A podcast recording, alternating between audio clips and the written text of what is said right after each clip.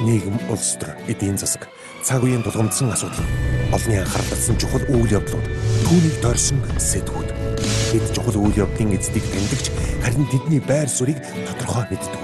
Тэдний үзэл санаа, үйл хэрэг та бидний амьдралд хэрхэн нөлөөлөх вэ?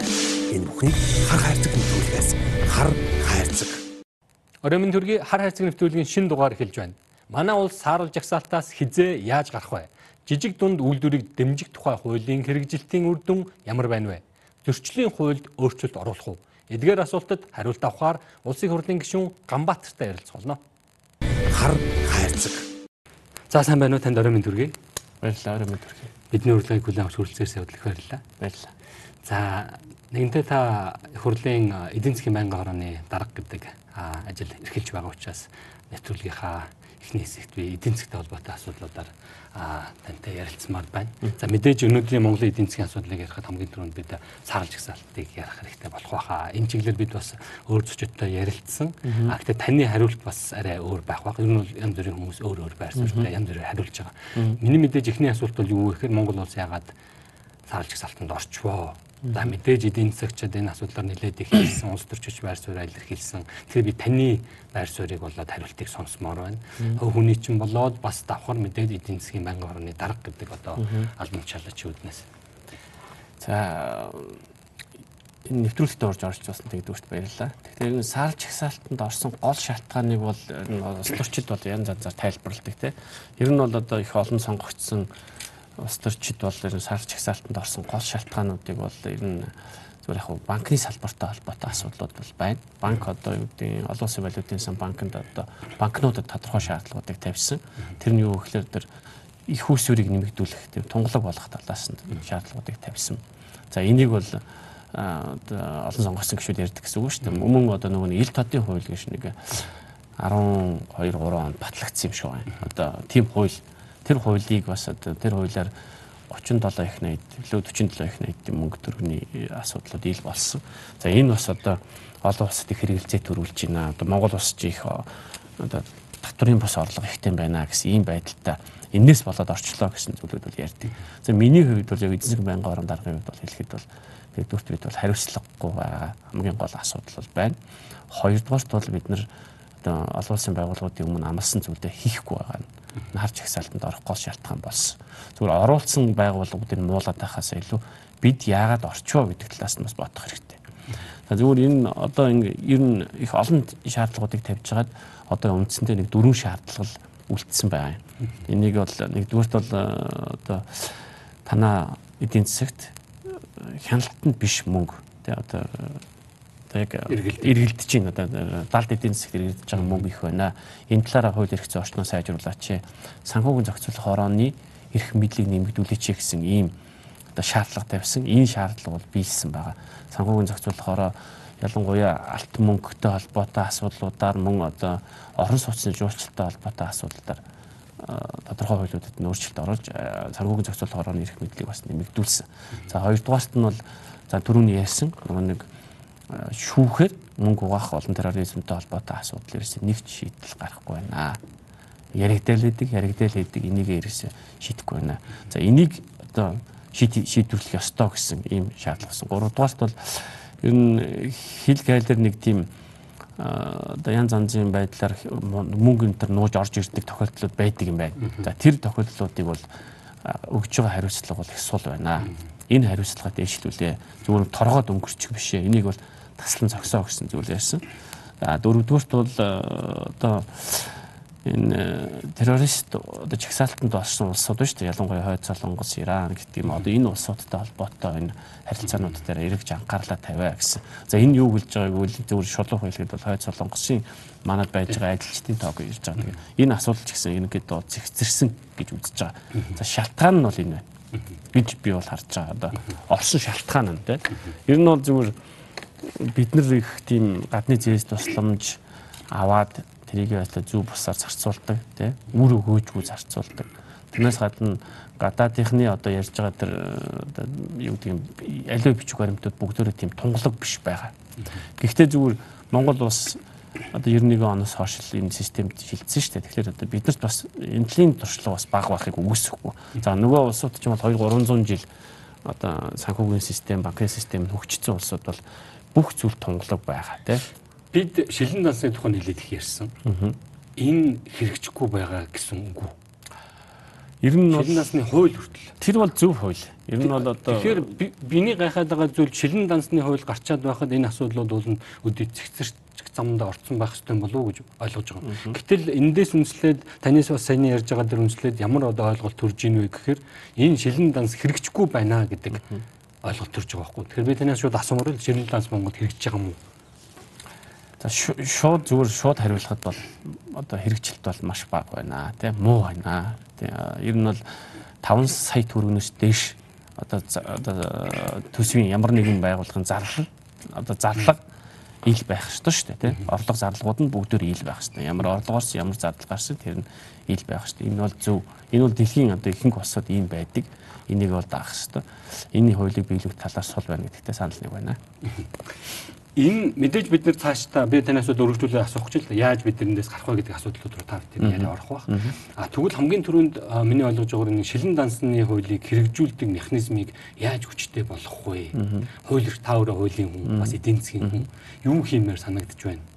Магадгүй одоо бас улс төрд байгаа хүний хувьд тийм ээ. Ийм нэг юм хийчүүл энэ шилэн дансны хуулийг хэрэгжүүлэхэд одоо илүү бодиттой болох гээд байна гэдэг. Эсвэл хэрэгжихгүй байгаа гол шалтгаан юу вэ гэдэг нэг юм гарч ирж штэ. Ер нь бол зүгээр их хурлаас батлагдж байгаа зарим хуулиудын хэрэгжилт үнэхээр сул бол байдаг. Жишээлбэл жижиг дундын хууль гэдээ баталсан шүү дээ саяхан дээ. Тэр хуулийн хэрэгжилт бол үнэхээр сул байгаа. Одоо тэгвэл засгийн газар тэр хуулийг биелүүлэхгүй жоохон тойрч болтаад байна л гэсэн үг. Яг энэ зарчмаар засгийн газар шилэн дансны хуулийг одоо гүйцэтгэх засаглал шүү дээ тийм ээ. Гүйцэтгэх засаглал, хууль тогтоох засаглал одоо шүүх засаглал ч гэсэн тэр эндээс ингээд жоохон тойрч болтох тийм энэ за одоо хуулийг биелүүлэхгүй байх сонирхолтой байна л гэж үзэж байгаа. Энийг одоо биелүүлэхийн тулд энэ дансыг одоо ажилуулаагүй албан байгууллага, агентлаг, яам тамгын газруудад хатуу арга хэмжээ авдаг байх ёстой шүү дээ. Хуулийнхын дагуу тий. Тэр тэр одоо хуулийн биелэлт бас сул байна. Угаасаа энэ төсвийн орлого зарлага нийтэд ил байна гэдэг энэ асуудал бол ганцхан Монгол улсын шилэн данстай биш шүү дээ. Тэр энийг бол сайжгүй барих ёстой.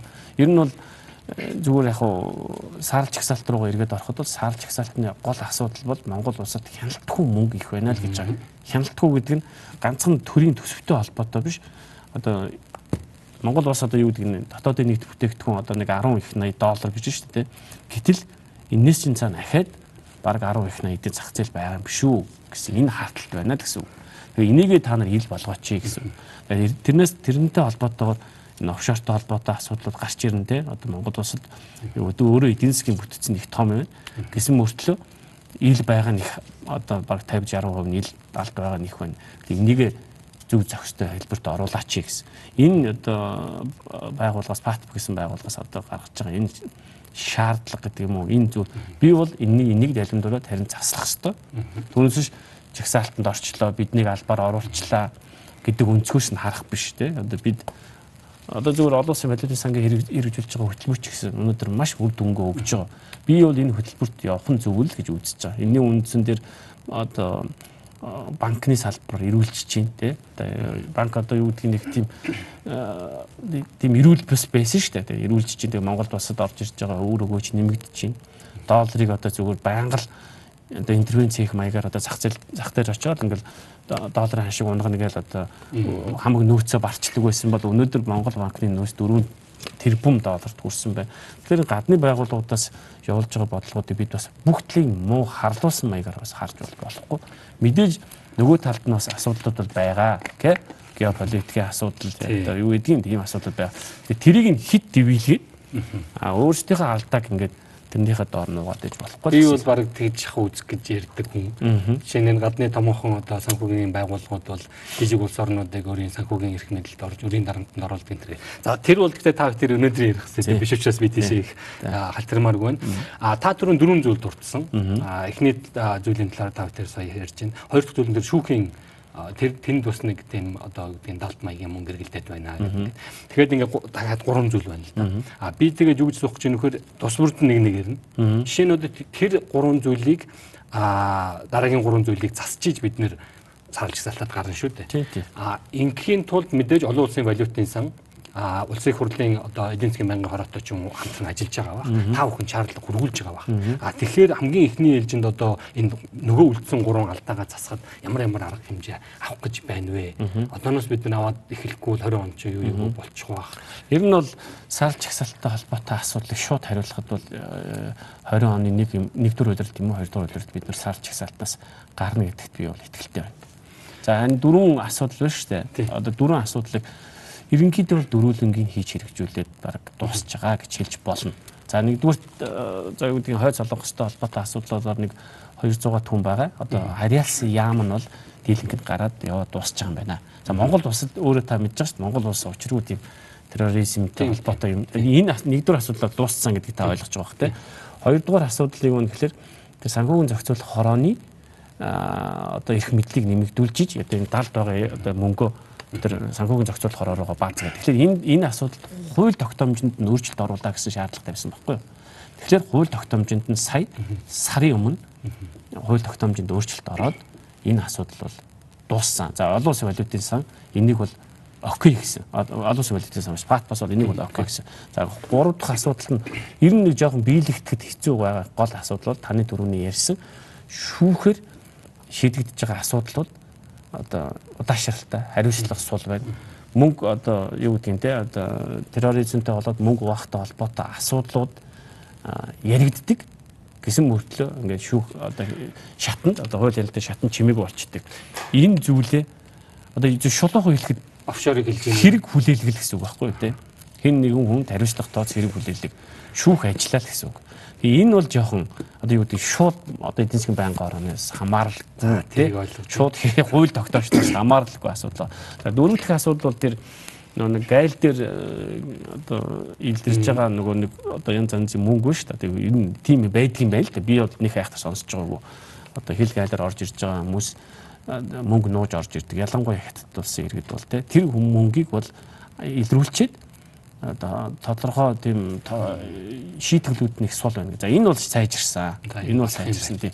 Ер нь гол фокуслох асуудал бол тэр одоо тийм терроризмтай болоод мөнгө угаахтай холбоотой бас офшор руу орж болно тийм. Энэ асуудлыг бол шүүх шүүх дээр ер нь шийдэгдэхгүй байна л гэж үзэж байна. Энийгээ сайжруулах гэж. Бид бол ингэж ойлгоод байгаа. Таны яг тэр шийдэгдэхгүй байна гэдэг асуудал. Бусдын бол бид өнөөдөр засаж залуумж болох, хойч залуумжийн асуудал зохицуулж болох тэр шүүхтэр шийдэгдэхгүй байгаа мөнгөтэй холбоотой асуудлууд гэхээр ер нь баг Монголд ингээд сүүлийн хэдэн жил яригдсан хэд хэдэн том том хэрэгүүд баг байгаа. Ардаа тодорхой нэр устай, нэртэй одоо юу гэдгийг баг мөнгөний тоо дүнтэй. За тэгээд нэг хэсэг ингээд яригдаа чимээгүй болчдөг. За тэгээд тэрийг цааш нь үргэлжлүүлээд ярихаар томоохон улс төрийн албанд шал хашч байсан юм уу? Эсвэл тэдэнтэй холбоотой байсан хүмүүс ингээд ирсэн. Одоо л нөгөө хонгол монгол гэдэг үү янз бүрээр нэрлдэг ингээд зүйл рүү ороо явчихна энийг засах бол миний ойлгож байгаагаар тийм амархан биш байх. Гэхдээ энийг засахгүй бол бид нэр энийгээ зассангүй гэдгээр биднийг бол бас саруулж гисалтанд нь байлгаад байх боломжтой шүү дээ. Тийм тийм. А тэгэхээр таны саяны хэлсэн бид 20 оны эхний үеэлд гарчин гэдэг чинь хэр бодтой болоо гэж би асуумаар байна л да. За яг уу бас зүгээр энд ашигт хэлэхэд энэ оюутлоготой холбоотой асуудлууд бас шууд бус утгаар нөлөөлж исэн болов гэж би зүгээр дотроо эдийн засгийн байнгын орон даргын хувьд харддаг. Гэхдээ шууд бус утгаар шүү. Сайн оюутлоготой холбоотой баг их хурлаас чинь 2 жил гарan ажлын хэсэг гараа шалгаад дуусаад одоо зарим одоо их хурлын гишүүд одоо одоо гэрээг нь хаан зогсоо ноёг толгой хөөж гаргаж гэдэг юм уу ийм сенсацтай зүйлүүд их боллоо шүү дээ. Гэхдээ энэ бас одоо бас шууд бус утгаар шүү. Би одоо шууд гэдэг утгаар яриаггүй те. Шууд бус утгаар нөлөөлжсэн ба. Гэхдээ их хурлаас бол эцсийн шийдвэр гараад оюу толгойн асуудлыг бол одоо юу гэдгийг эцсийн цэгийг тавьсан. Гэхдээ зүгээр сайжруул энэ бол одоо Монгол улсад бол үнэхээр бидний 2008 онд 2009 онд хүлээж исэн хүлээлтэнд огт хүрэхгүй байгаа шүү дээ тий. Тэр үед юу ярьж илаа? Манай сэхэтнүүд юу ярьж илаа? Манай сайд дарганаас юу ярьж илаа? Бараг л нэг жилийн дараа, хоёр жилийн дараа одоо бас одоо энэ одоо орж ирж байгаа хөрөнгө оруулалтууд Монгол улсын амьдралыг бараг л үлгэр шиг болгоно л гэж ярьж ирсэн шүү дээ. Гэтэл өнөөдөр 10 жилийн дараа энэ бол огт биелээгүй л байгаа байхгүй.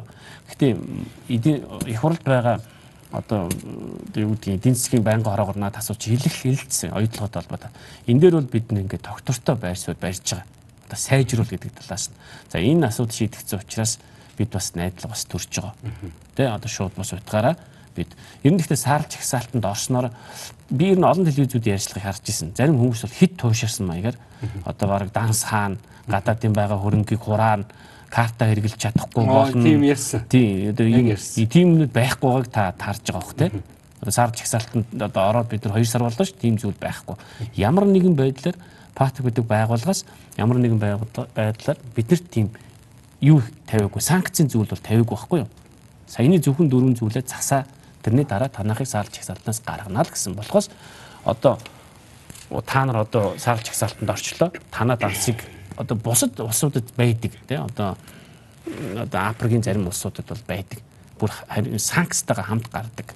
Одоо тэгэхээр биднэрт бол одоо өнөөдөр одоо саалж чагсаалтанд байгаа гэж ботход биднэрт бол ямар нэгэн эдийн засгийн хувьд бол сөрөг нөлөө бол байхгүй. Гэхдээ гаднаас орж ирж байгаа хөрөнгө оруулалт жоохон болгоомжлох магадaltaй. Ягаад гэвэл энэ улс чинь саарч хагсаалтанд орсон юм байна. Гэхдээ энэ хөрөнгө оруулагч нар энэ улс яагаад орсон бэ гэдгийг уншина. Энэ одоо саяны дөрвөн залтыг л уншина шүү дээ. Түүнээс улс төрчдийн хардж байгаа тэр хардлагыг тэр цаасан дээр байхгүй юм чи тэр бол тэр дөрвөн залтыг энэ улсыг харчаа за би энэ улсад хөрөнгө оруулах боломжтой буюу гэдгийг хувь хүн компаниуд бол ойлгоод. Гэтэ миний хувьд бол мэдээж одоо саяны тэр таны яш санаа зовж байгаа шүүх засаглалтай холбоотой асуудлууд тий шүүхэр шийдэн иргэн шийдэгдэхгүй асуудлууд дээр одоо хууль тогтоогчдын хувьд бол шийдвэрлэх боломжгүй байгаа ч гэсэн би бол өөдрөгөр харж байгаа. Гэхдээ ер нь бол 20 оны 2 дугаар удирдлагт бол бид бол сар чагсаалтаас гарна гэдэгт би бол 100% итгэлтэй байна. За ямар ч байсан юм өөдрөг байгаа тийм өөдрөг. Аа тэгээд зөвхөн хоосон өөдрөг байх ш тодорхой хэмжээний ажлууд хийгдээд эхэлсэн. Тийм бүх ажлууд хийгдээд эхэлсэн. Энэ бол гурван асуудал бол цэг тавьсан шүү. Энэ нэг дөрвөн асуудлаас гурав дээр нь бол эцсийн цэг бол хатгсан байгаа гэж ойлгож байна. Хоёр миний зөв санаж байгаагаар хоёр хүн албан тушаалаасаа огт орсон. Хариуцлага хүлээсэн. Энэ асуудал нэг хоёр хүнийг ажлаас нь халаад шийдчих асуудал юм уу? Ер нь одоо одоо сангийн яам гэдэг нэг бүхэл бүтэн байгууллага бас тодорхой хэмжээгээр хариуцлагатай л байх. Гэхдээ бол үндсэндээ үлдсэн байгаа. А нөгөө талдаа нэг хоёр хүнийг ажлаас нь халаад шийдэх зөвхөн тэр хоёр хүний буруу юм уу? А доор нь ажиллаж исэн хүмүүс тэр чигээр байгаа шүү дээ. Дэд сайд нь. Миний хэлэх гээд байгаа зүйл эн чинь бүхэл бүтэн нэг тийм институт юм уу ажиллаж байгаа шүү дээ. Зөвхөн даргаас гадна. Тэгэхээр энэ хариуцлагын тогтолцоо хэр оновчтой байсан юм болоо гэж бодмоор байгаа. Ер нь бол яг одоо яамдуудын сайд нар бүгдөө их хурлын гишүүд байгаа нь энэ одоо юу гэдэг шууд одоо шууд сайдад хариуцлага тооцох ёстой гэдэг дээр би бол тийм гэж хэлмээр байна. Тэ? Энэ сайдуудаа агентлагуудтайгаа яриад их хурлын гэхдээ саяны хоёр байгууллага бол их хурлын даргын их хурлын дэргэдэх хоёр байгууллага байхгүй Монгол банк санхүүгийн зохицуулахаараа манай эдийн засгийн байнгын орооны харьяа их хурлын дарга одоо их хурлаар орж одоо дарга цагийнар нь томилогддог байгууллагууд зүгээр яг санхүүгийн сангийн яам, хууль зүйн яам гэдэг юм уу энэ байгууллагуудад тодорхой хэмжээгээр хариуцлага хүлээх ёстой. Гэхдээ зүгээр цаашдаа бол одоо Монгол улсын үндсэн хуульдаас өөрчлөлт орсон тийм одоо их хурлаас одоо нэг дөрвөн салбарын сайдыг л одоо нэр нь бол байхгүй л тодорхой сайдуудыг одоо томилдог болыг дөрөв хүртэл дөрөв хүртэл гэдэг чинь нэг ч байж болно хоёр ч байж болно. Ер нь бол цаашдаа миний зүгээр хүсэл бодлоо тийм гүйцэтгэх засаглал гүйцэтгэх засаглалаа хууль хяналтын байгууллага хууль хяналтын байгууллага одоо юу манай одоо хууль тогтоох байгууллага хэлж штэ тий манай их хурл одоо хууль тогтоох байгууллага ингээд хийвэл хариуцлага хамаагүй өөр болно жишээлбэл одоо их хурл өөрөө дотроо одоо бүх гишүүд нь дотроос учраас шууд гүйцэтгэх засаглалын сайдад хариуцлагатай оцоход бол үнэхээр бас нөлөө одоо юу гэдэг те нэг сул тал зөндөө байна гэж би таны асуултанд хариул.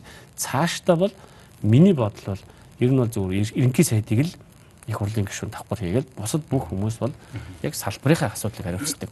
Энд нэг асуудал их хурлын би бол гайхаж байгаа юм да. Их хурлын гишүүний хийх ажил аягүй их байгаа. Тий. Гэтэл яамны самны ажил сайдын ажил бүр их ч байгаа. Бүр их байгаа. Тэгэхээр энэ бол нэг хүн дээр бол ахтана. За нэг асуултанд товчхон хариулт авмаар болоод байна. Энийг одоо ярихгүй өнгөрөөж би чадахгүй байна. Өрийн тухай асуудал. Засгийн газрын өр дээр нь манай Монгол банкны өр. Хувийн хвшлийн нийлээд тэр нэг 29 тэрбум доллар болж байгаа. Тэр хувийн хвшлийн төр зөр орхиж. Удахгүй үр төлөгдөх календарсан төлбөрөнд бид нэг шахагдаад эхэлнэ. Энэтэй холбогдоод одоо хөрхийн ард иргэд бидний нөгөө нийгмийн даатгал татварыг нэм гэдэг л хариулт сонсогдоод ах шиг байна л да. Тэгэхээр бид төлөхөд бэлэн байгаа юу?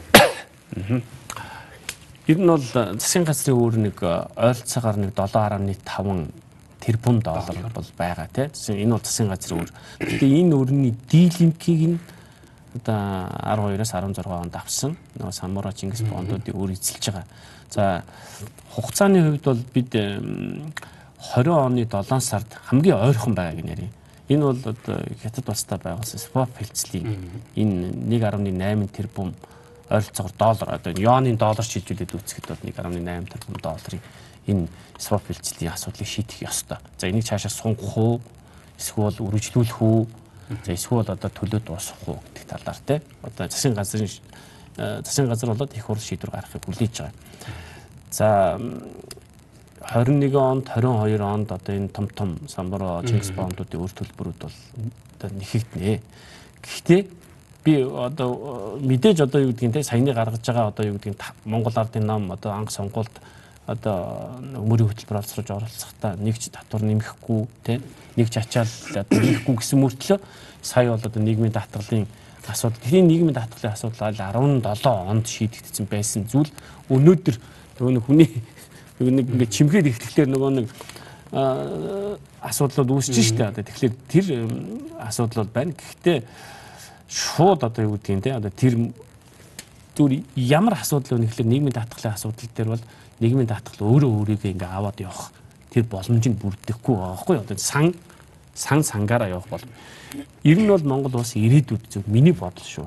Би нэг жоохон бас одоо эдийн засагч одоо бизнест ажиллаж байсан үгнүүд миний бодол бол одоо тав төрийн төлсөн мөнгө тав төрийн дансанд л байх ёстой гэж би боддог. Тэ тэгээд тэрнээсээ би хэдэн төрөний одоо би нийгмийн даатгалт үлсэе. Ирээдүйд би тэрнээс л одоо тэтгэврээ авна шүү дээ. Одоо би одоо миний данс одоо 100 сая төгрөгтэй бол би сар болгон одоо юу гэдэг 500 мянган муу сая төгрөг аваад явна л гэсэн үг. Гэтэл өнөөдөр бол нэг том тоогонд ороод тэр нь шууд улсын төсөвтэй холилдоод ингээд одоо буцаагаад одоо мэдээж одоо ирээдүйд одоо шинжлэх ухааны техник хөгжиж байгаа хүмүүсийн эрүүл мэнд насцалж гэсэн уртшин. Тэр тохиолдолд бол эрүүл мэндийн сан бол нэлээд том болох ёстой.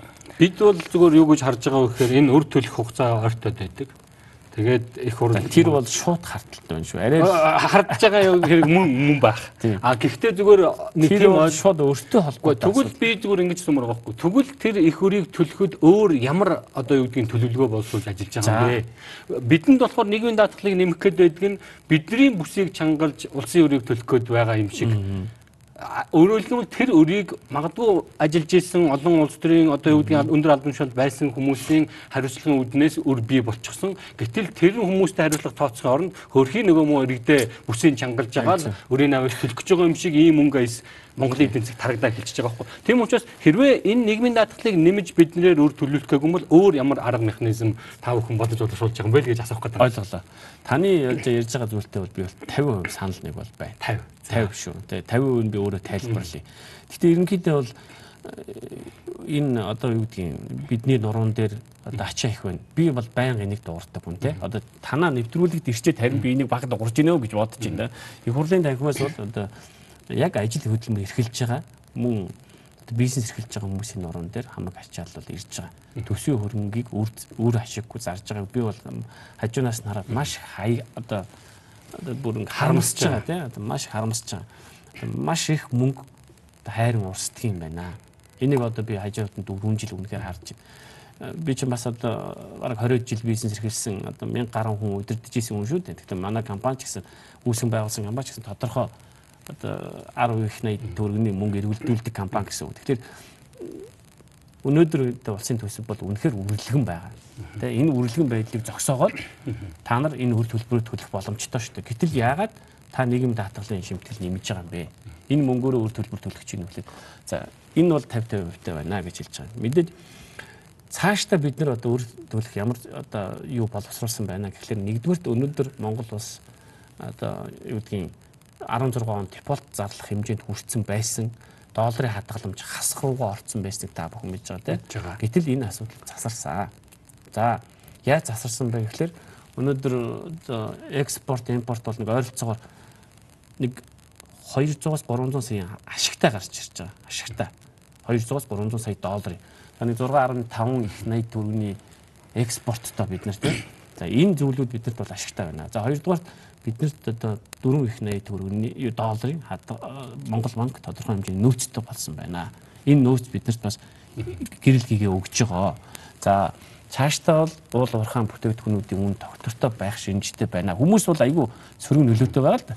Унан те одоо энэ худалдааны дайнаас шалтгаалаад одоо хятад Америк худалдааны шалтгаалаад ингээ унаа. Ирээдүйд бол Монгол улсын 7 одоо тэрбум долларын зээлийг одоо ойрын нэг 5 6 жилийн дотор бол төлөв бүрэн бол төлчих бүрэн боломжтой. За энэний тулд яах вэ гэвэл төгсвийн зарлагыг одоо энэ төгсвийн зарлага одоо бараг чинь 12 11 их найдаар батлагдсан байгаа. 11 80 их найд 700 тэрбум төгрөгөөр батлагдсан. Зардал шүү дээ. Энэ одоо энэ зардлуудаас ялангуяа урсгал зардал гэж маш том тоо байгаа. Урсгал зардал гэж өнөөдөр юу хэлж байгааг бол одоо энэ төрд ажиллаж байгаа хүмүүсийн цалин бүнлүү тий одоо байшингийн дулаан цахилгаан одоо гадаа томилолт юу гэдгийг энэ том урсгал зардлуудыг би хангалттай нэлээд хангалттай хэмжээнд танах боломж байгаа. Монгол улсын төрийг маш цомхон Одоо юу гэдэг нь 10 хүн хийх ёстой ажлыг 100 хүн хийж шít. Ийм байж болохгүй. Биднэрт бол хангалттай нөөц боломж байна. Миний харж байгаа шүү. Хангалттай нөөц боломж байна. 7 их 80 долларын битгий хэл 70 их 80 долларын одоо асуудлыг ч гэсэн бид төлж боломж бол Монголын эдийн засгт байна. Энийг бол бид гаргаж ирэх ёстой. Гэхдээ одоо юу гэдэг энэ нэг хүний хамаатангийн агентлаг одоо энэ нэг хүнийг ажилтаа байлгах ёстой. За яагаад гэвэл энэ даргын хамаатан ч гэдэг юм утгаараа асуудалд хандаад байв. Улсын зардлагын төсөв талина л гэсэн. Уучлаарай. Жохон жохон нуршуу хариулчихсан. Зүгээр их баярлалаа. Нэвтрүүлгийн дараагийн хэсэгт дөрвөлжүүлэн ярилцгаал нь ингээд төр хугацаанд завсарлаа. За. Нэвтрүүлгийн өмнөх хэсэг та бүхэн сая улсын төсвийн тухай ярьсан. Та их өөдрөг байгаа юм байна. Бид одоо ерөөхдөө өрөөдөө төлөө дуусчих юм байна. Монголын эдийн засаг сэргэж ийн гэдэг ингээд ярьсан. Улсын төсөвтэй холбоотой асуудлуудыг та бас ярьж байна. Тэгээ би энэ улсын төсөвтэй холбоотой зарим нэгэн зүйлийг тодруулмаар байна л да. Амнатаас бол Монголд бас уул уурхаагаас нэлээд их хэмжээний ашиг орж ирдэг. Би бол амнатыг одоо юу гэдгийг гинт их өсөгдөг энэ тэр бодлогыг бол дэмждэг хүн биш. А гэхдээ огт амнаат авахгүй байна гэдгийг би бол бас сайн ойлгохгүй байгаа. Зүгээр бид бол юу гэж харж байгаа вөхөр томоохон уул уурхайн компани бизнесүүдийн лобби л гэж харж байгаа. Тийм. Тийм үү? Тийм. Одоо гэхдээ тэгэлцэн бол зүйл байхгүй. Тэгэлцэн гэдэг нь за Тэгэхээр яг ямар шүү За одоо процесс нь ийм л байгаа. Зүгээр ашигт малтмалын нөөц ашигласны төлбөр шүү дээ. Тэр суурь татвар нь бол суурь одоо роялти нь бол 2.5 одоо нүүрсэн дээр ярил л дээ. Нүүрс алт хоёрын дээр л ярил. Бусад алтан дээр бол 5% таа бол байгаа. Тэгээ энэ зүгээр ямар маргаан үүссэн бэ гэхэлэр одоо өмнөх хуулийн дээр нь зөвхөн лиценз эзэмшигч хүн л энэ роялтиг төлнө гэсэн тийм үг байсан л байгаа байхгүй өмнөх хуулийн дээр тэр одоо үгнийг далимдуулаад энэ татвараас цухтж исэн. Цухтж байна гэж сангийн яам үтсэн учраас одоо энэ татварыг одоо энэ 2.5% биш үү? Энд чинь гэхдээ нэг үнээс шалтгаалаад өсөд уруудаад ингээд дээш доошо болдог. Тэгэхээр энэ татварыг одоо ганцхан лиценз эзэмсэгч биш олборлогч олборлогч гэдэг нь одоо олборлож байгаа нөхөр тэр лицензтэй нь лиценз өгөө өөр компанид шилжчихсэн ч үнэ хамаагүй олборлогч тэр боловсруулагч, тээвэрлэгч, экспортлогч, худалдагч бүх хүн энэ татварыг төлнө гэж хууль нь заасан. За энийг одоо цэц юу гэж үтсэн бэ гэхээр энэ татварыг давхартуулж оногдуулж байна гэж үтсэн баггүй. Гурван шатныхаа одоо шүүгээр юугаар суудлаараа. Тэгээд тэрийг их хурал хүлээж аваад за энэ давхартуулж гин гэдэг заалтыг энэ давхартуулахгүй шүү гэдгийг энэ хуулинд нь тусгаж өгсөн. Бүр. Гэхдээ өмнөх хуулинд нь байсан. Гэтэ энийг бүр маш тодорхой болгож өгсөн. За одоо энэ юу хэлж байгаа вэ гэхээр нүүрс нэг 70 доллар бай гэж бодъё те. Гээд нэг боловсруулна шүү дээ. Угааж муугадаг ч юм уу одоо нэг боловсруулна те. Гэтэл нэг нөхөр 90 доллар болчлоо гэж бодъё. Тэгэх юм бол энэ 70 доллароос 2.5-ыг авч яагаад 90 доллароос авахта энэ 70 доллароос авсныг нь хасч өгнө л гэж байна. Их шудраг л гэж би харж байгаа.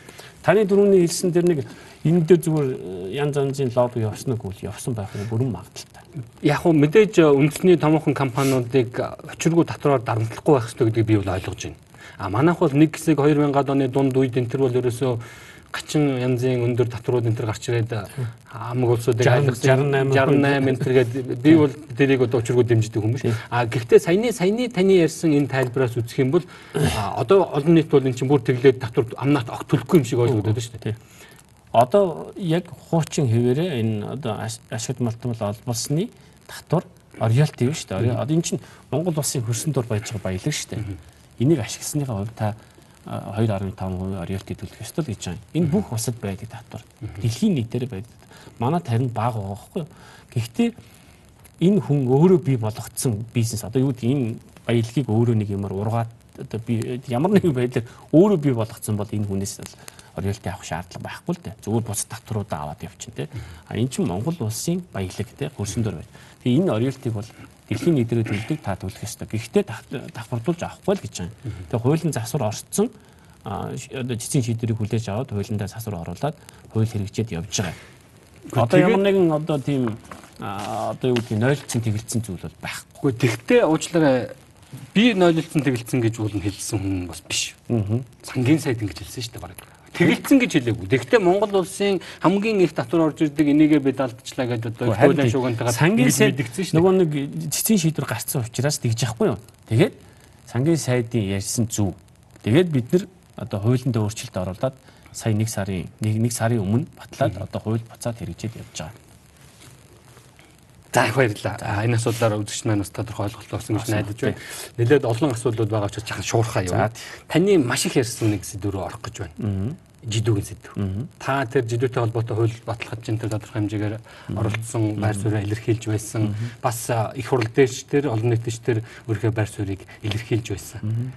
Аа үзэгчд бол мэдээж тодорхой ойлголтоо сонссон байгаа. Гэхдээ эндээс би бол одоо тэнийг багцлаад магадгүй нэмж тайлбарламаар эсвэл ерөнхийдөө томилж одоо юу гэдгийг тайлбараа хийгээч л гэж хэлмээр байна л да. Яг тэгэхээр бүгдийн тав дээр хэдвэл жидүүд ангаараа манай нэвтрүүлгийн нэг энэ цагийг эзэлчин л те. Жидүү ихлэх сонир сонсогдож байгаа ш. Жижиг дунд үйлдвэрлэлийн хөгжлийн тухай хууль гэж байна. Жидүү ихлэх нөгөө нөгөө нэг нөгөө шал өөр буруу тийш явчих юм байна. Нөгөө тэр утгаараа айгүй хүмүүст хүрсэн учраас. Тэгэхээр энэ жижиг дундын хуулийг бол би өөрөө санаачилсан.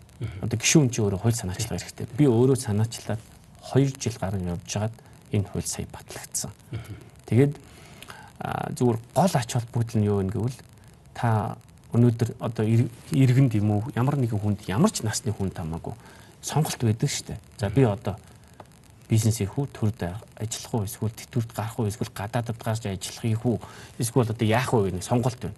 Гэтэл энэ сонголтод жижиг дундын хууль ямар одоо хүнд одоо ямар мэдрэмж одоо ямар дохио өгөх вэ гэхээр та нэг бизнес хийгээд үзээч л гэсэн дохио өгнө. Энэ ямар энэ одоо ямар ач холбогдолтой вэ гэхээр нийгэм өөрөө бүхэлдээ тийм бүтээлч байх хэрэгтэй тийм бүтээлч тэгжиж Монгол улс өөрөө өнөөдөр үнэхээр боловсролынхаа салбарт анхаарч чаддаг болно. Түүнээс өнөөдөр улс төрчдийн яриад байгаа одоо юу гэдгийг нэг том үйлдвэр байгуулаад том уурхай бий болоод тэгэл шууд боловсролынхаа салбарт мөнгө өгчдөг болох юм биш. Ер нь бол одоо ер нь бол үйлдвэрлэл үйлчлэгээний салбар одоо жижиг дундын салбарт 777 мянган хүн ажиллаж байна гэж статистикийн төв газар тоогоо баримт гаргаж өгсөн. За нийт эдийн засгийн 17.8%-ийг бүрдүүлж байна. За нийт эдийн засгийн байна шүү дээ жижиг дундын салбар одоо нүүлчилгээний салбар Австрали, Америк, Европ улсууд 60% нь бүрдүүлдэг байхгүй 60%. Яагаад ингэдэг вэ гэхээр энэ салбар өөрөө нийгмийг доктортой байлгадаг. Хамгийн олон хүн ажилладаг. Энэ салбар ерөөсөө нэг өдөр ингээд нэг одоо танаа телевиз гэдэг юм уу нэг жижиг дэлгүүр гэдэг юм уу одоо тэр байгууллага тэг жоохон үйл ажиллагаа ингээд муудаад ирэх юм бол шинэ гарч ирж байгаа байгууллага нөхчдөг. За уул уурхаан салбарт тэгж чадахгүй, хөдөө аж ахуйн салбарт тэгж чадахгүй. Одоо жишээл Австралиар жишээ авъя. Австралийн уул уурхайн ус гэж үздэг шүү дээ. Одоо үдэ аж ахуйн ус. Гэтэл нийт эдийн засгийнх нь одоо 17% л уул уурхай бүрдүүлдэг, 9.9% нь хөдөө аж ахуй бүрдүүлдэг. Инээс дээшээ гаргах сонирхолгүй. Яагаад гэвэл одоо өнөөдөр гарч байгаа авцаалт гарч байгаа гал шиг те одоо ийм нийгэм ийм одоо аюул гарах юм бол тэр салбар өөр ингээд 9.9% та салбар унлаа гэхэд нийгэм үзүүлэх нөлөө нь амар их байвал тэр бүгдөө Сүхбаатарын талбайдаа гараад чагсна гэсэн үг шүү дээ. Тийм байлгадаг. Тэгэхээр жижиг дундын хуулийн хамгийн гол ач холбогдол нь өөрөө хүмүүсийг хөдөлмөр эрх сонирхлыг дээшлүүлнэ.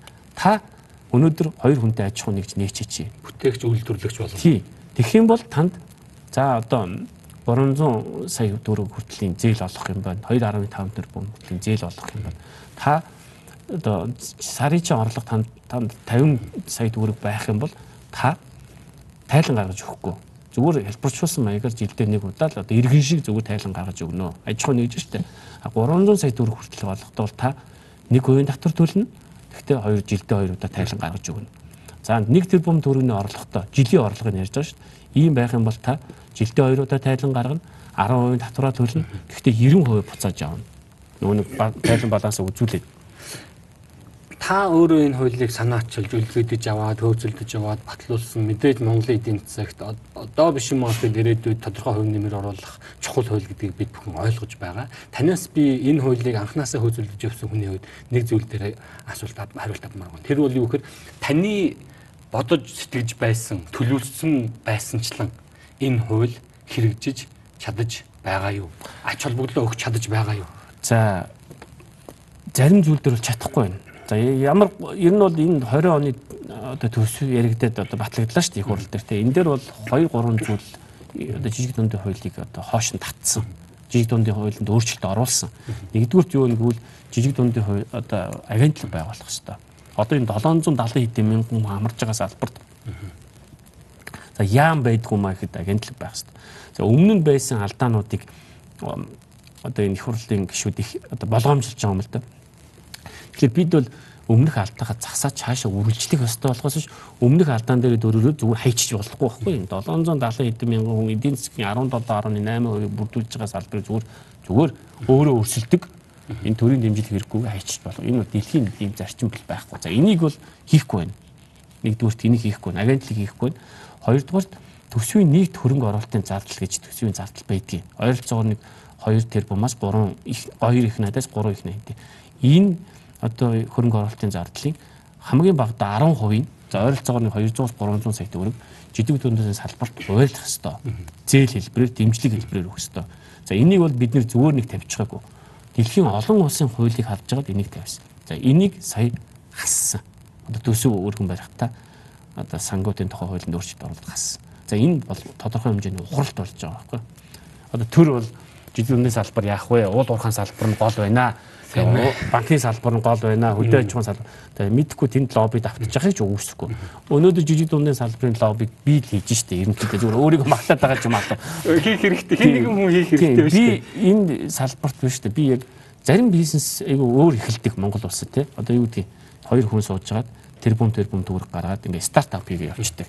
За зарим бизнес бол нэг хүнтэй, хоёр хүнтэй, гурван хүнтэй ингээ их явдаг байхгүй юу? Энийг бол жижиг дундын бизнес гэж байгаа. Тийм үү? За хоёр хүн суужгаад сая сая доллар гаргаад бизнес эхэлчүүд энэ манай жижиг дундын салбараа шууд гарчдаг. Маргааш шууд гараа явчихдаг. А өнөөдөр би бол нэг хүнтэй, хоёр хүнтэй, дөрөв хүнтэй, тав хүнтэй, зургаан хүнтэй энэ салбар энэ энд биш би 10 жил явсан хүн байхгүй. Жижиг дундын салбарт 10 жил энэ салбарт ямар ямар бэрхшээл байдаг, төрийн дарамт ямар байдаг сайн мэдэж. Нэг зүйл дээр яг энэ жидүүдээр холбоотой нэг асуудал дээр танаас товчхон таны байр суурь бол асуултанд хариулт аваад Тэгээд энэ жидүүгээ дуусгая. Жидүүтэй баахан хүмүүс холбогдсон. Одоо их төвхтэй. А мэдээж хуулинд бол төрийн өндөр албан тушаалд байгаа мөртлөө жижиг дунд бизнесийг дэмжих сангаас мөнгө авах нь хориотой гэдэг цаазланс тим юм бол хуулинд миний ойлж байгаа байхгүй. А гэхдээ ёс зүйн хувьд бол эн чинь таарахгүй байна гэдэг ингээд зарим улсууд ажил төрлөөс хойш халагдсан. Эннийг ер нь яах ёстой байсан юм болоо? Одоо магадгүй яг тэр хуулийн дээр нь суусан хүний хувьд одоо бүр хуульчлаад төрийн өндөр албан тушаалтай хүмүүст ингээд юу гэдгийг авахгүйгээд оруулчих айгүй төвхтэй. Энд чинь өнөөдөр нэг тийм нийгмийн хариуцлагын ёс зүйн асуудал болоод ингээд тодорхой албан ёсны зүйлгүйгээр ингээд нэг хөөсрөөд байгаад байна шүү дээ. А тэгээд улс төрийн зорилго ашиглаж бас болдог энэ чинь айгүй гоё. Нөгөө улсуудаа. Шулуухан хэлэхэд бол 2007 онд энэ жижиг дундын хууль бол батлагдсан юм байлээ. Тэрнээс өмнө ч гэсэн одоо зөвхөн сүүлд л одоо ил гарч байгаа нь энэ болохоос биш одоо олон жил Тийм тийм. Одоо төрийн албан хаагч нар мэдээлэлд ойрхон байгаа хүмүүс одоо ингээд өөртөө зээл авдаг байсан гэсэн үг. Тийм. Гэхдээ тэрийг бол энэ хууль бол тодорхой хэмжээгээр манай жижиг дундын хууль бол тодорхой хэмжээгээр хааж байгаа. За энэ сонгон шалгаруулалт байхгүйгээр зээл өгөхгүй. Нөгөө нэг таны түрүүний ярьсан чинь ингээд шилэн гэдэг чинь. Сая 19 онд бол нэг ойролцоогоор 47 тэрбум төгрөг тавигдсан бахад төс төс юунаас? Төрөөс. Тэгээ эргэн төлөлтийн мөнгө нийлээд нэг ойролцоогоор 80 тэрбум төгрөг бол яг нөгөө нэг сонгон шалгаруулалтыг хийгээд чадж байгааг үл чадж байгаа байхгүй хөөрхий гүйс засаглалын хүүхдүүд яг ингээл нөгөө одоо нөгөө асуудал амар хурц байгаа учраас бүр ингээд айгүй тийм нухацтай чадж байгааг үл хүүхдүүд чадж байна. За зөвхөн түрүүний таны асуултанд энэ бол таны хэлж байгаа яг ёс зүйн асуудал. Та өөрөө мэдээлэлд ойрхон байгаад өөрөө ард түмний төлөөлж байгаа хүн хамгийн түрүүнд өөрөө одоо өөрийнхөө компаниар дамжуулдаг юм уу өөртөө хамаарал бүхий компаниар дамжуулж зээл авсан нь ёс зүйн хувьд бол болохгүй. За зарим нэг одоо юу гэдэг 40 хэдэн хүмүүс холбогдсон молбогдсон гэл нэг юм яриад шүү дээ. Тэднэр нь яасан бэ гэхэлэр их хурлын гишүүд дээр ирсэн нөгөө нэг орон нутгаас нь ирсэн хүмүүс нь одоо юу гэдгийг ийм зээл хөөсөлтөд өгөөч ингээд өгөөч гэдэг нэг бичиг мичиг өгөхлөөр нөгөө хүмүүс нь цохоод одоо явуулцдаг тэр хүмүүсийг нэр нь одоо багтаад тэр 40 хэдэн хүн гарсан юм шиг байгаа.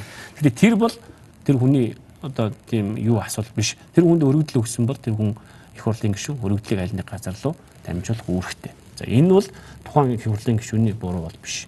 Энэ угаасаа их хурлын гишүүнд ямар ч өргөдөл ийж болдог байхгүй. Гэр өгөөч гэдэг юм уу? Манай ямар нэгэн байдал туслаач. Энийг бол тэр хүн ямар нэгэн байдлаар шийдвэрлэх гэж хөөцөлдөх ёстой үүрэгтэй.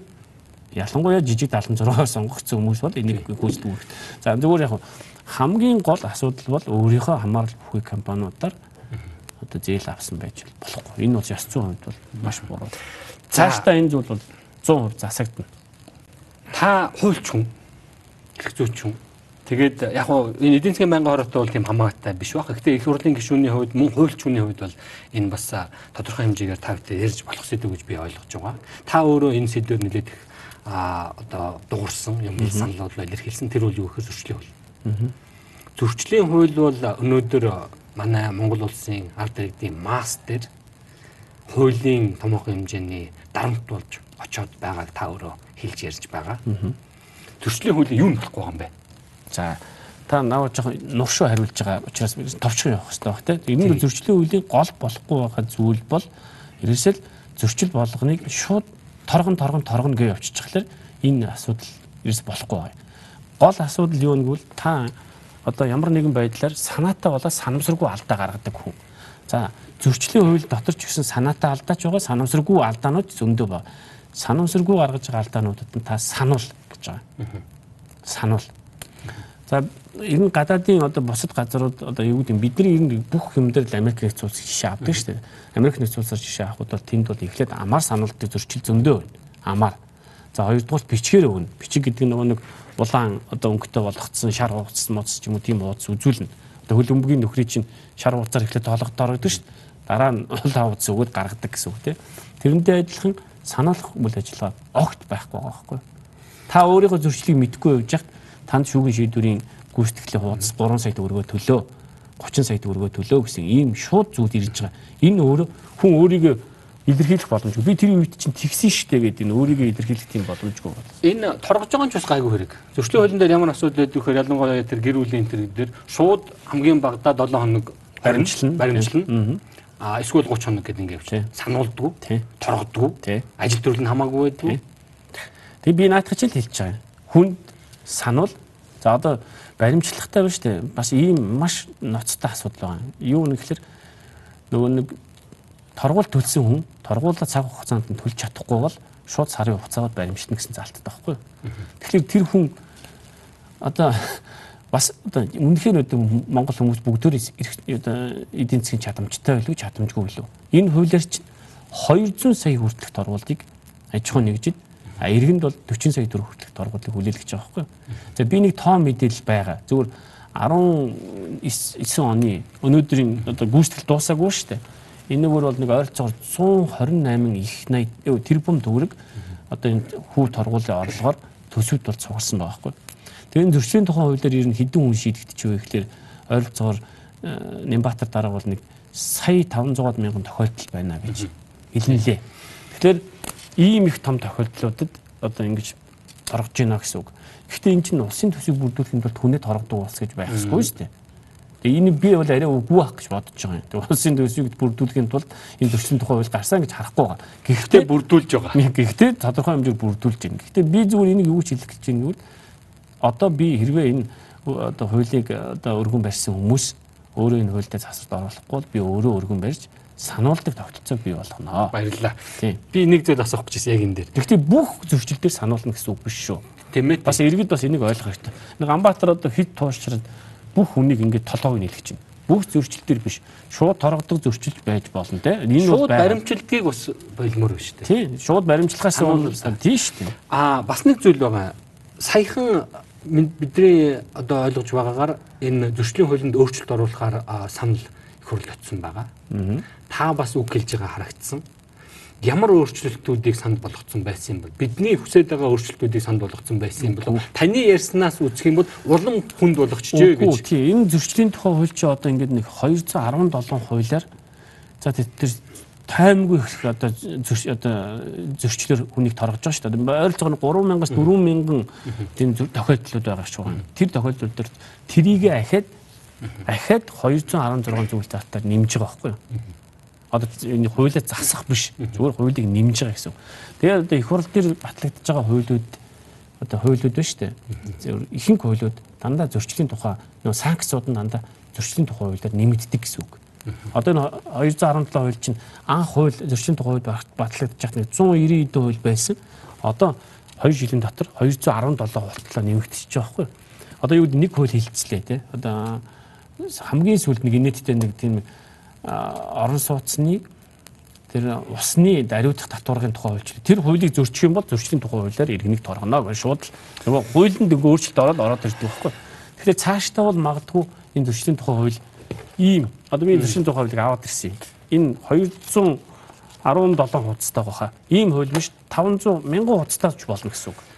Энэ хуулиороо засагдахгүй бол цаашдаа энэ хууль би бол ингэж бодож байгаа юм л та. Монгол улсын ард түмнийг өнөөдөр янз бүрийн одоо сувгаар дарамтлж байна. Бидэнд өрийн дарамт байна. Татврын дарамт байна. Зээлийн хүүгийн дарамт байна. Тэгээд дээр нь нэмээд энэ хуулийн дарамт байна. Огт мдээгүй явж байгаад хууль зөрчсөн байдаг. Бидний өдөр тутмын амьдрал байдаг зүйлс одоо зөрчил болоод энэ хууль нь суудсан байдаг. А дуртай нэг нь тэрийг аваачаад өгчүүлж тэгээд өнөөдөр би өөрөө багш хүн байхгүй нэг оюутанд муу тавихад айгүй бол би явах бах шүү. Магадгүй. За цаг их баг үлдсэн байна. Би тэгээд нэвтрүүлгийнхаа үлдсэн хэсэгт таныг чинь тухай бас ярмаар байна. За хүмүүс бол ингээд Ориглын Ганбаатар гэдэг та бас тэрүүгээр ингээд мэдэгдээд байдаг. А бидний мэдж байгаагаар та өөрөө хуульч хүн, эдийн засагч хүн өөрийгөө яг танилцуулахгүй юу? А ерөнхийдөө голдуу хувийн хвшилд ажиллаж исэн гэдэг чинь бид бас мэдчихэв. Аль нутгийн хүн байдгийг. Тэгээ би 1973 онд Налах хот төрсөн. Тэгээ манай аа бол усын наран булгийн гаралтай. Одоо би бол дөрөв хүндсдэг хүн гэж одоо ойлгож байна. Дөрөв төгсаатан гэж ойлгож байна.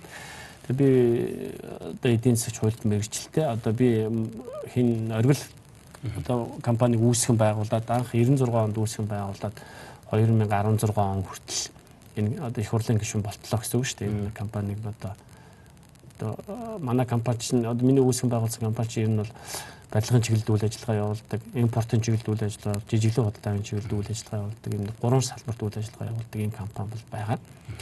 Тэгээд э, яг улс төрийн хувьд бол яг би 2008 онд нийслэл иргэдийн хурлын нийслэл иргэдийн хурл тэр үед байнгын үйл ажиллагаатай биш шүү дээ. Жилдээ нэг 3 4 удаа хуралддаг. Хувийнхаа компани ажлыг хийх боломжтой. Их хурлын гишүүнээс нь ялгаатай тийм. А 2012 онд би бас Баянгол дүүргээс э, нийслэл иргэдийн хуралд одоо өрсөлдөд бас ялагдчихсэн гэсэн үг тийм ялагдчихсэн. Тэгээд 16 онд их хурлд одоо их хурлын гишүүн болсон. Товчхондоо би одоо дөрөв хүүхэдтэй, гурван охинтой, нэг хүүтэй. Одоо хүү маань хамгийн бага нь одоо 6 настай. Тэгээ манай гэр бүлийн хүн бол одоо манай компани одоо миний үүсгэн байгуулсан компани гол зүйлүүдийг хийгээл явж идэг гэсэн үг. Таны бизнес амжилттай яваг Монголын ард түмэн баг харж байгаа бах улс төрд орох шалтгаан юу байсан бэ гэж хүмүүс асуух хүсэж байгаа хаа. Зүгээр бизнесийгээ явж иж болохгүйсэн. Яг тэгэхээр энийг ингээ ярихаар бид нар ч одоо нөгөө олигарх олигарх гэдэг олон юмнууд яригддаг. Та тэр тоонд орчиж тун магадгүй байхгүй одоо нарийн ярил цааш нь явхад яриад байвал тийм. Ухаж ярьж болно болно. Би чөлөөтэй хариулаад явна. Гэхдээ яг 2004 онд би Баянгол дүүргийн засаг дарганы зөвлөлд анх ажиллаж эхэлсэн. 2004 он гэдэг чинь би одоо 30 та 30 гаруй тал залуу байсан гэсэн үг л дээ. Тэгэл 2004 оны тэр үед одоо би шийдвэрээ гаргацсан улс төрд орсон. Би чинь 1999 онд Монгол Ардын намын одоо гишүүнээр хэлсэж ирсэн. Тийм нэлээд дээр хэлсэж ирсэн шүү. Тэгээд одоогийн их хурлын дарга Зандан шатар э, дараа миний багш байгаа юм тийм. Надад багшилж ирсэн багш. Тэгээд тэр үний ч бас одоо нөлөө орсон байх магадaltaй. Тэгээд 2004 онд би Баянгол дүүргийн засгийн зөвлөлд ажиллаж ирсэн. 94 орсон гол шалтгаан бол яг тухайн үед бол ер нь залуучууд миний одоо 98 онд бол миний үеийн залуучууд бол ер нь арчсан намыг голцоо их сонгодог байсан шүү дээ. Одоо ер нь тэр үед одоо нийгмийн уур амьсгал гэсэн юм байсан. Тэгээд яг миний бас одоо оролцоо тухайн үед одоо залуучуудын оролцоо бол улс төрд бол нэлээд одоо тийм улс төр өнөөдрийнх шиг ийм одоо шаар шахгууч гэдэг юм уу өнөөдрийнх шиг дандаа л одоо нийгэмд муулагддаг биш байлаа шүү дээ. Бас одоо юу гэдгийг сайн талтаа ч зүйлүүд байсан баг, сар талтаа нөгөө нэг хаалттай байсан ч зүйлүүд байсан баг. Тэгээд ер нь бол өөрийнхөө хүч оролцоог оруулах хэрэгтэй байна. Баянгол дүүргийг хөгжүүлэх хэрэгтэй байна гэсэн бодол одоо миний бодсон шиг шууд 2016 онд танаас чинь тийм болоогүй шүү. Тийм байна. Энэ бас чухал л да. Тодорхой хэмжээгээр энэ улс төрийн карьер хийх гэж байгаа улсууд бол өмнөх шат чатны одоо юу гэдгийг үйл ажиллагаанууд юм уу тэрийг хүмүүс ирсэн мэддэг. Харин мэдгүй учраас би асууж байна. Та харьцангуй амжилттай байгаа болов уу гэж би хувьдаа боддог. Олон нийтсэн тэгж бодож байгаа. Одоо их хурл гишүүн болоод шууд одоо байнгын хорооны эдийн засгийн байнгын хорооны дарга гэдэг бол бас чухал албан тушаал тийм ээ нэвтрүүлэг маань өндөрлөж байна. Би хамгийн сүүлийнхээ асуултыг танаас асуух гэж байна. Маш тавчхан хариулчаараа ер нь хамархан асуулт байгаа. Дараагийн сонгуулиар нэр дэвших үү? Тийм, нэр дэвшнэ. Тэгээ дараагийн сонгуульд Баянгол дүүрэгт нэр дэвшнэ гэж төлөвлөж байгаа. За их баярлалаа нэвтрүүлэг маань энэ төрөд өндөрлөж байна. Маш олон асуудлуудад Монголын эдийн засгийн тулгамдаад байгаа олон асуудлуудад тайлбар болоод хариулт өгж өөрийнхөө байр суурийг илэрхийлсэн цаг зав гарган манай нэвтрүүлэгт төрүүлсэн танд их баярлалаа. Танд ажил амжилт хүсье. Баярлалаа. Өрд орцсон та бүхэнд ажил амжилт хүсье. Баярлалаа.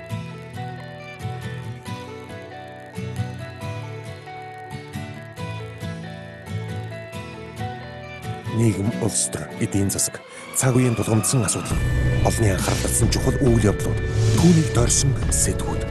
Бид чухал үйл явдлын эздийг таньдагч харин тэдний байр суурийг тодорхой мэддэг. Тэдний үзэл санаа, үйл хэрэг та бидний амьдралд хэрхэн нөлөөлөх вэ? Энэ бүхнийг хар хайрцаг нөлөөлөхөөс хар хайрцаг